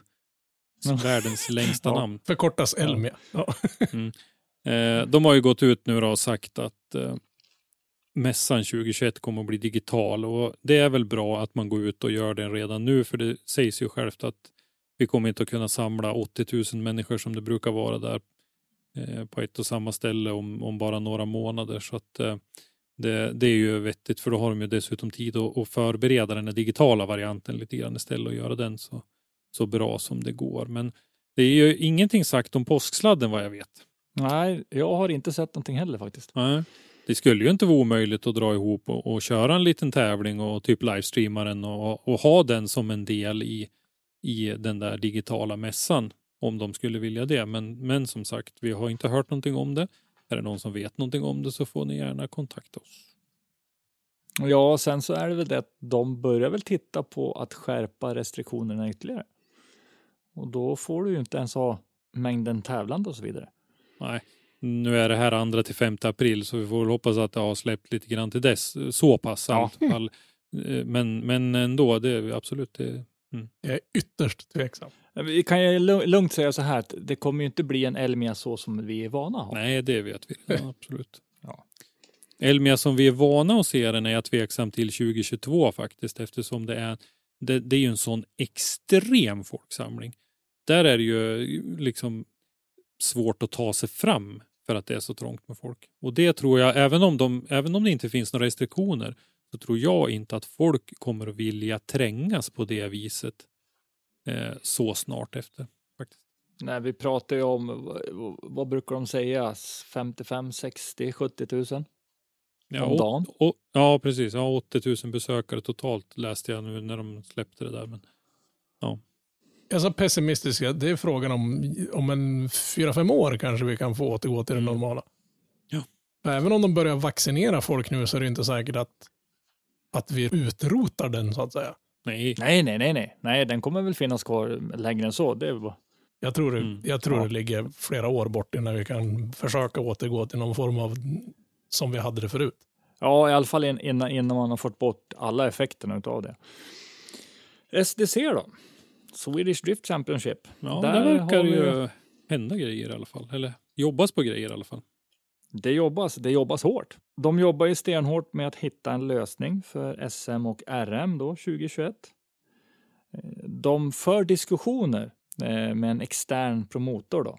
Så att de vill ju flytta över så att inte driftingutskottet kör, Mm. tar, har hand om det, utan det, det är en promotor som roddar i serien. Lite grann som, som Irish Drift Series kan man säga. Mm. Där då Ed Powers är promotorn. Precis. Och det där har vi ju sagt flera år att vi har saknat. Så att eh, det där ser väl vi som en eh, klart vettig utveckling. Då beror det ju på lite grann vem den promotorn är och så vidare. Men eh, ja, jag, tycker det verkar lovande faktiskt. Jag menar, det, det måste ju till någonting. Vi, vi kan inte begära Mm. att driftingutskottet ska slita ihjäl sig för då kommer ju de att packa ihop och tacka för sig och inte vilja hålla på med det här mer.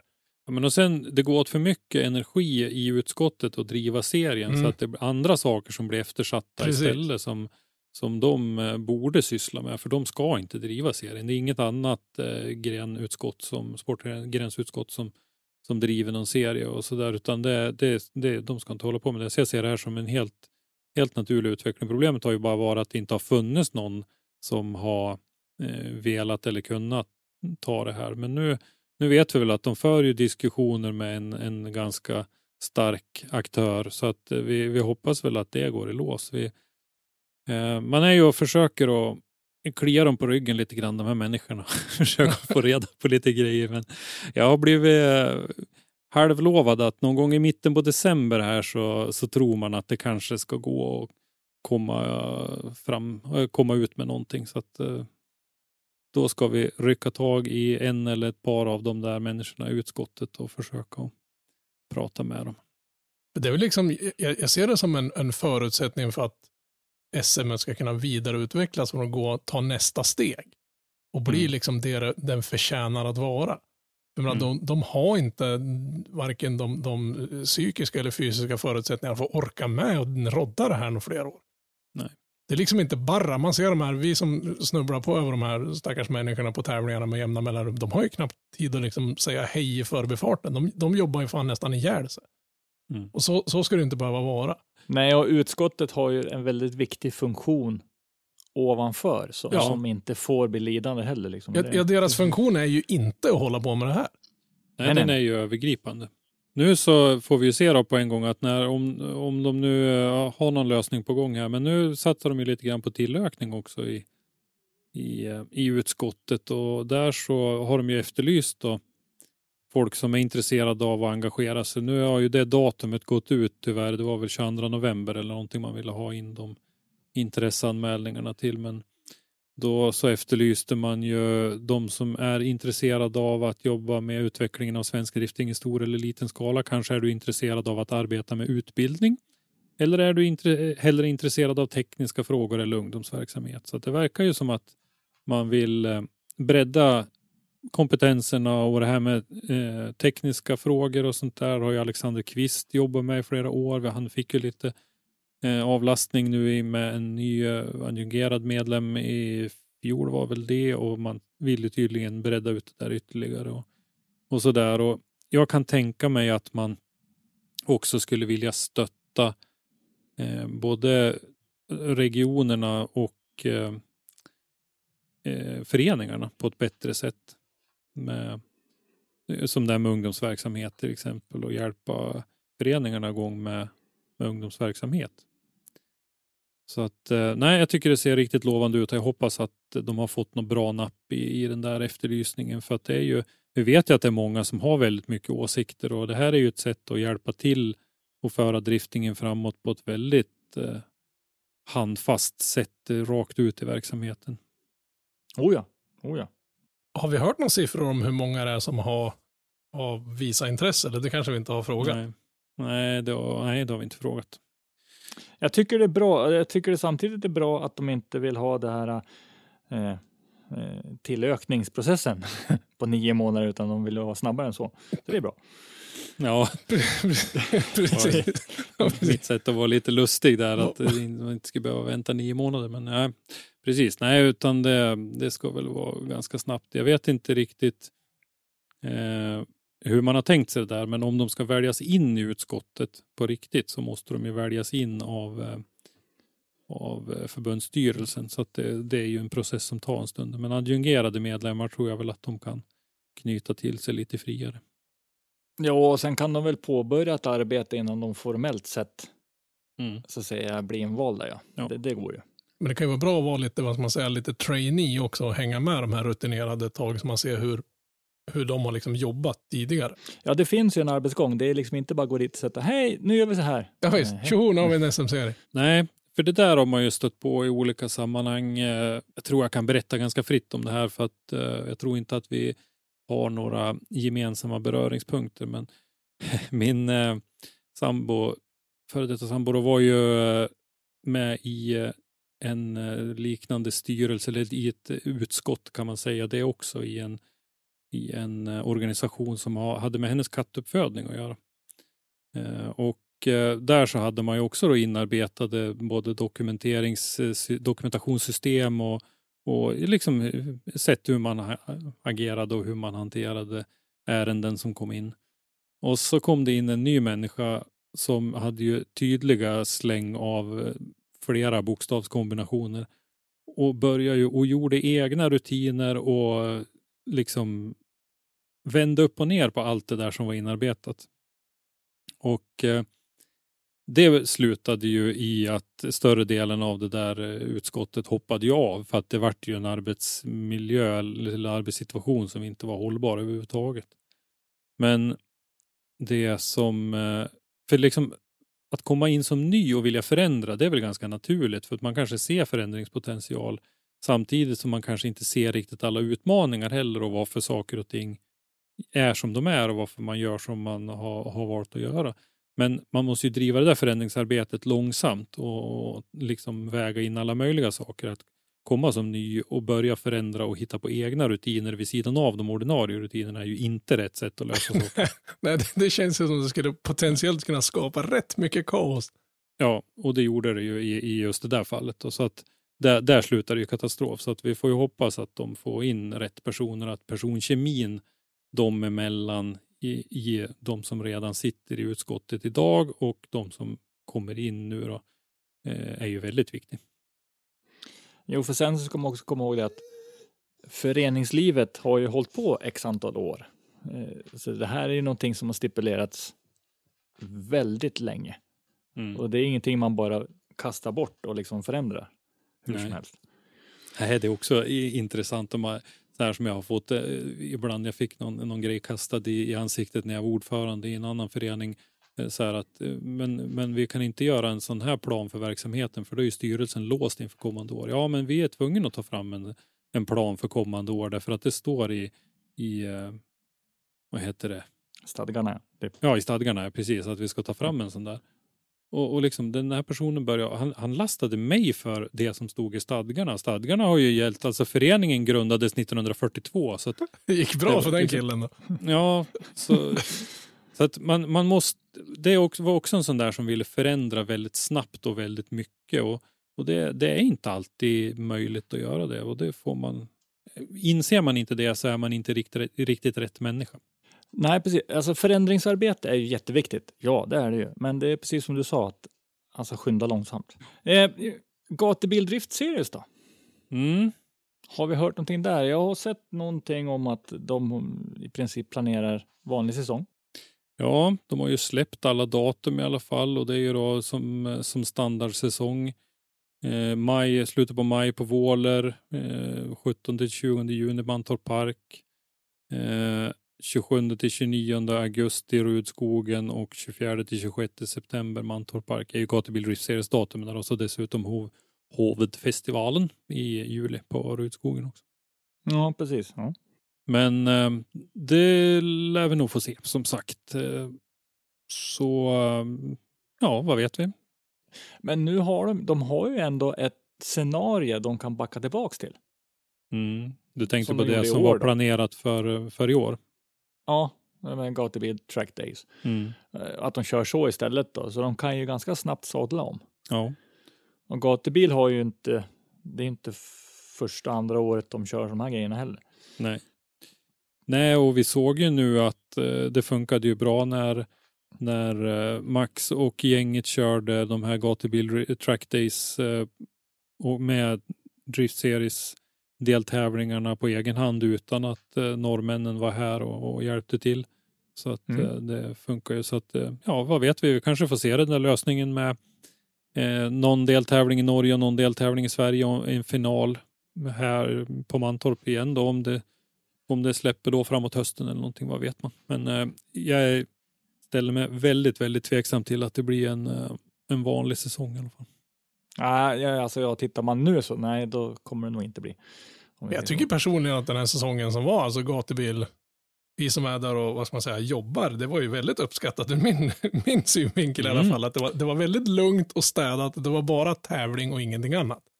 Mm. Det, jag tyckte det var, det, var, det var de bästa gatubilarna, inte jag varit på så många, men det var de absolut bästa gatubilar jag någonsin varit på. Men eh, jag brukar ju hänga rätt mycket med dig när du är på gatubil och jag kan säga så här Robban att det är inte oss gatubil går runt på. Nej, det är inte det alltså. Nej, Åh fan. nej det, är, Det är alltså det är inte- verkligen inte vi. Det är alltså som inte gratis ackrediterade fotografer som Nej. inte... Fan. Ja, De här, eh, vad heter de, Möllers eller vad heter de som har restaurangen där på gatubil, de tjänar ju lite pengar på oss för dit Ja. går vi ju gärna och äter och Fast så. inte, och vi, inte om de fortsätter bara ha hamburgertallrikar. Nej, då blir det slut på det förhållandet. Men eh, i övrigt så, så, så men eh, vi, eh, så att vi hoppas ju att de kan få det och, och gå runt på något vis att de åtminstone kan, kan, kan överleva. Eh, jag förstår ju att man inte gör någon, någon förtjänst på de, på de här track days för det är ju färre tävlande och ingen publik och inga festivalpass och ingenting sånt där. Men, men vi hoppas väl att det ska gå så att de klarar sig åtminstone. Ja, Det, det, är ju, det är publiken som drar in pengarna, det, så Mm. är det ju. Ja, vi får se. Drift Masters European Championship då? Mm. Har ju, alltså om vi tar då 2020 så var ju de så här bara, nej, vi kör. Sen hörde man inget mer. Nej. De låg ju väldigt långt bakåt med att publicera saker och ting. Ja, där var väl vi, tror jag, Stefan Lindgren var väl på och stötte lite grann på dem att de var tvungna att, att gå ut med några nyheter och så då när det var när de hade skjutit upp första deltävlingen eller hur det var. Men eh, nej, de, har inte, de sa inte så mycket då. Men nu då så har de ju gått ut och sagt, det tyckte jag faktiskt var ett litet lustigt sammanträffande, att samma dag som Drift Masters gick ut och sa att eh, As positive news starts to spread about 2021 we're patiently waiting on the sidelines. Att eh, nu, nu kommer det goda nyheter om 2021 här. Nu står vi vid, vid sidan och är. Ja. och är ja, visst, typ i startgroparna. Så samma dag så skriver Dagens Nyheter eh, om eh, regeringens krissamordnare Elisabeth Backteman som säger vi får leva, leva med viruset under hela nästa år. samma dag liksom. Ja, så, Alltså, alltså det, kan man tänka sig en sån här smäll med öppen handflata så att det alltså, Ja. smackar i hela huvudet liksom. Ja, vi får se. Och det, är- det är ju naturligtvis ingen som vet eh, vem som får rätt av dem, men, men eh, eh, vi, vi måste ju försöka ha lite positiva tankar också i, i stort. Vi får inte deppa ihop alldeles, men är det någon som ska deppa ihop så tycker jag det är DMEC faktiskt. Nej, men det är ju den serien som har de allra största utmaningarna när det gäller det här eftersom det är man, man har ju kört i sex olika länder och jag har för mig att man har deltagare från ett 30-tal olika länder. Ja, det måste Alltså- ju vara en mardröm. Alltså, Ja, alltså det är ju massor med resor som, jag menar resorna i Demek är ju en utmaning vanliga år. Mm. Mm. Och än mindre om det liksom, ja, i år gick det ju inte alls nu då i princip, men om det blir en halvvanlig säsong 2021 så kommer ju resorna till DMEC att vara utmanande ändå. Så att eh, jag är otroligt tveksam till att det blir något mästerskap av det där utan att de får köra något, något liknande som de gjorde i år eller någonting. Det, Ja, men för det, det är ju restriktioner. Du får inte resa hur som helst, när som helst. Och, nej, och och att, det, att det ska lätta så att, vi, att personer från 30 länder ska kunna åka runt i sex olika länder i Europa. Jag svårt. Vi får, väl, vi får väl leva med en till säsong med, med simdrifting. Mm. Däremot så har väl Formula Drift lite lättare där. För det är ju, eller lättare, men, men det är ändå ett och samma land. Ja, Ett stort land, det. ja. Mm. Men Nej, och vi har ju sett att de har ju haft utlänningar där också. Fredrik Åsberg har ju varit där hela säsongen nu och kört och, och eh, Jonathan Castro och det är en del andra också som har varit där. Så att eh, de har ju bara fått hålla sig där hela säsongen. Mm, mm. Men eh, så jag ser nog att det eh, finns väl en ganska god chans ändå att eh, Formula Drift lyckas genomföra en säsong, det tycker jag. Eh, ja, Däremot så tror jag nog att det kan komma att bli något, någonting liknande den här säsongen, att de kör med sådana här dubbeltävlingar.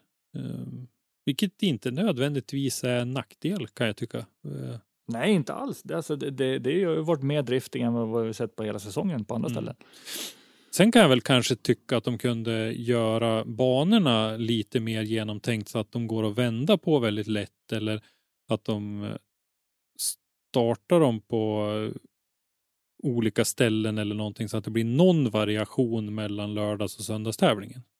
Det ja, för det, det blir lite för mycket tryckt med liksom dubbeltävling på exakt samma sträckning. Ja. Men också någon form av Det- kval vill man väl ändå in i det hela. Ja, ja, jag fattar egentligen inte varför man strök kvalet.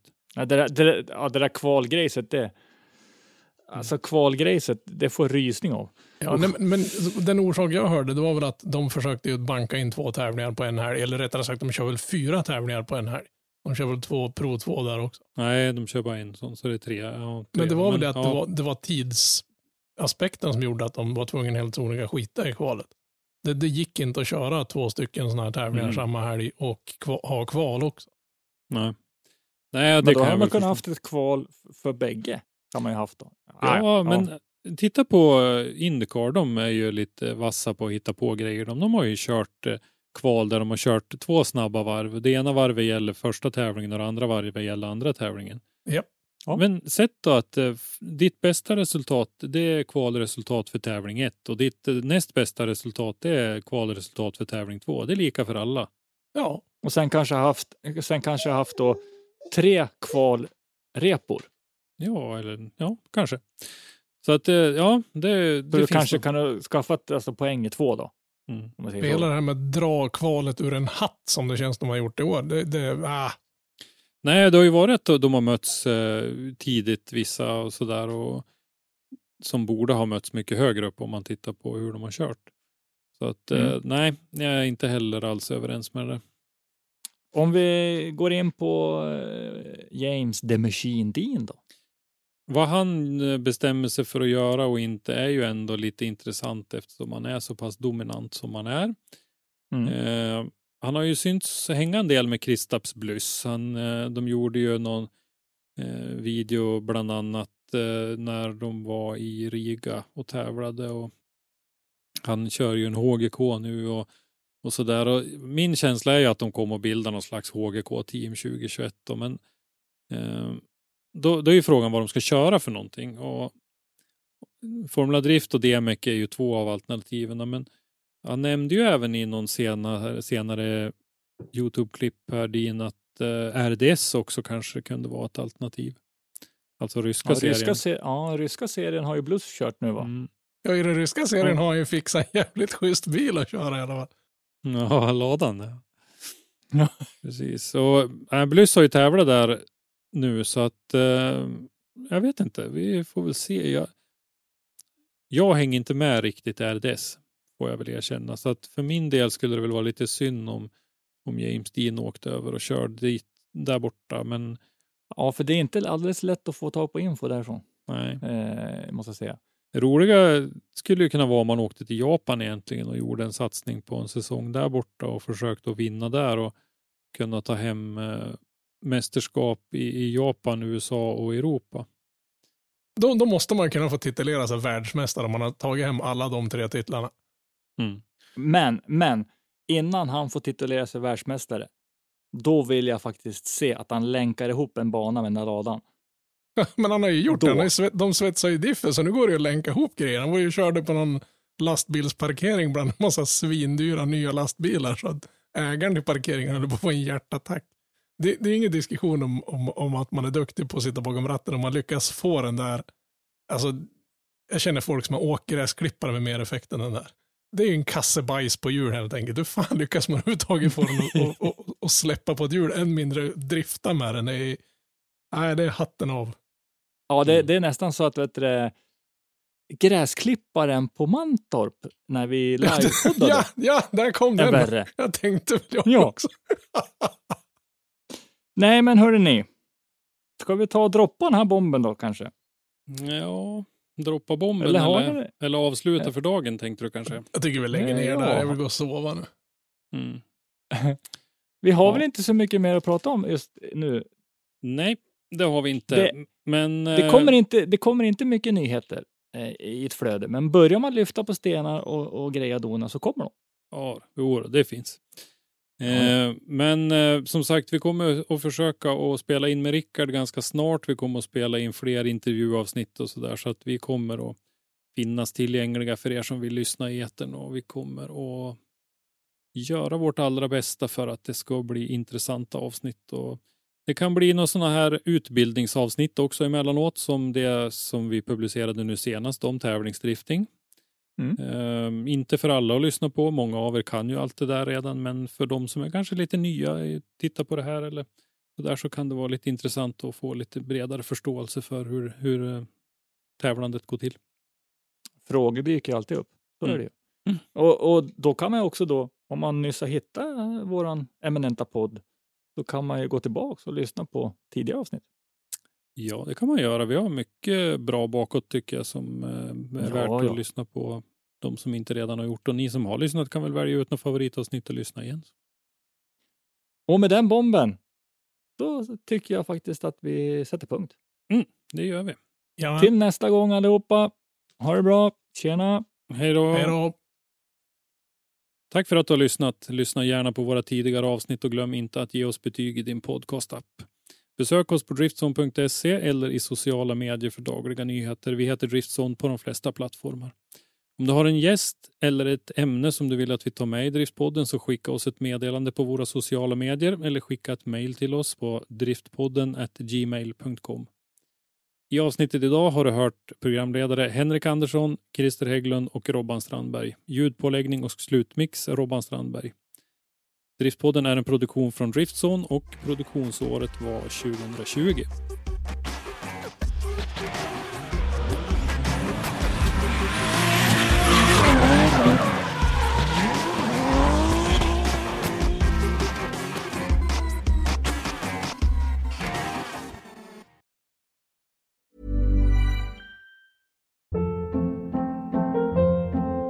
Hold up. What was that? Boring. No flavor. That was as bad as those leftovers you ate all week. Kiki Palmer here, and it's time to say hello to something fresh and guilt-free. Hello Fresh. Jazz up dinner with pecan-crusted chicken or garlic butter shrimp scampi. Now that's music to my mouth. Hello Fresh. Let's get this dinner party started. Discover all the delicious possibilities at hellofresh.com.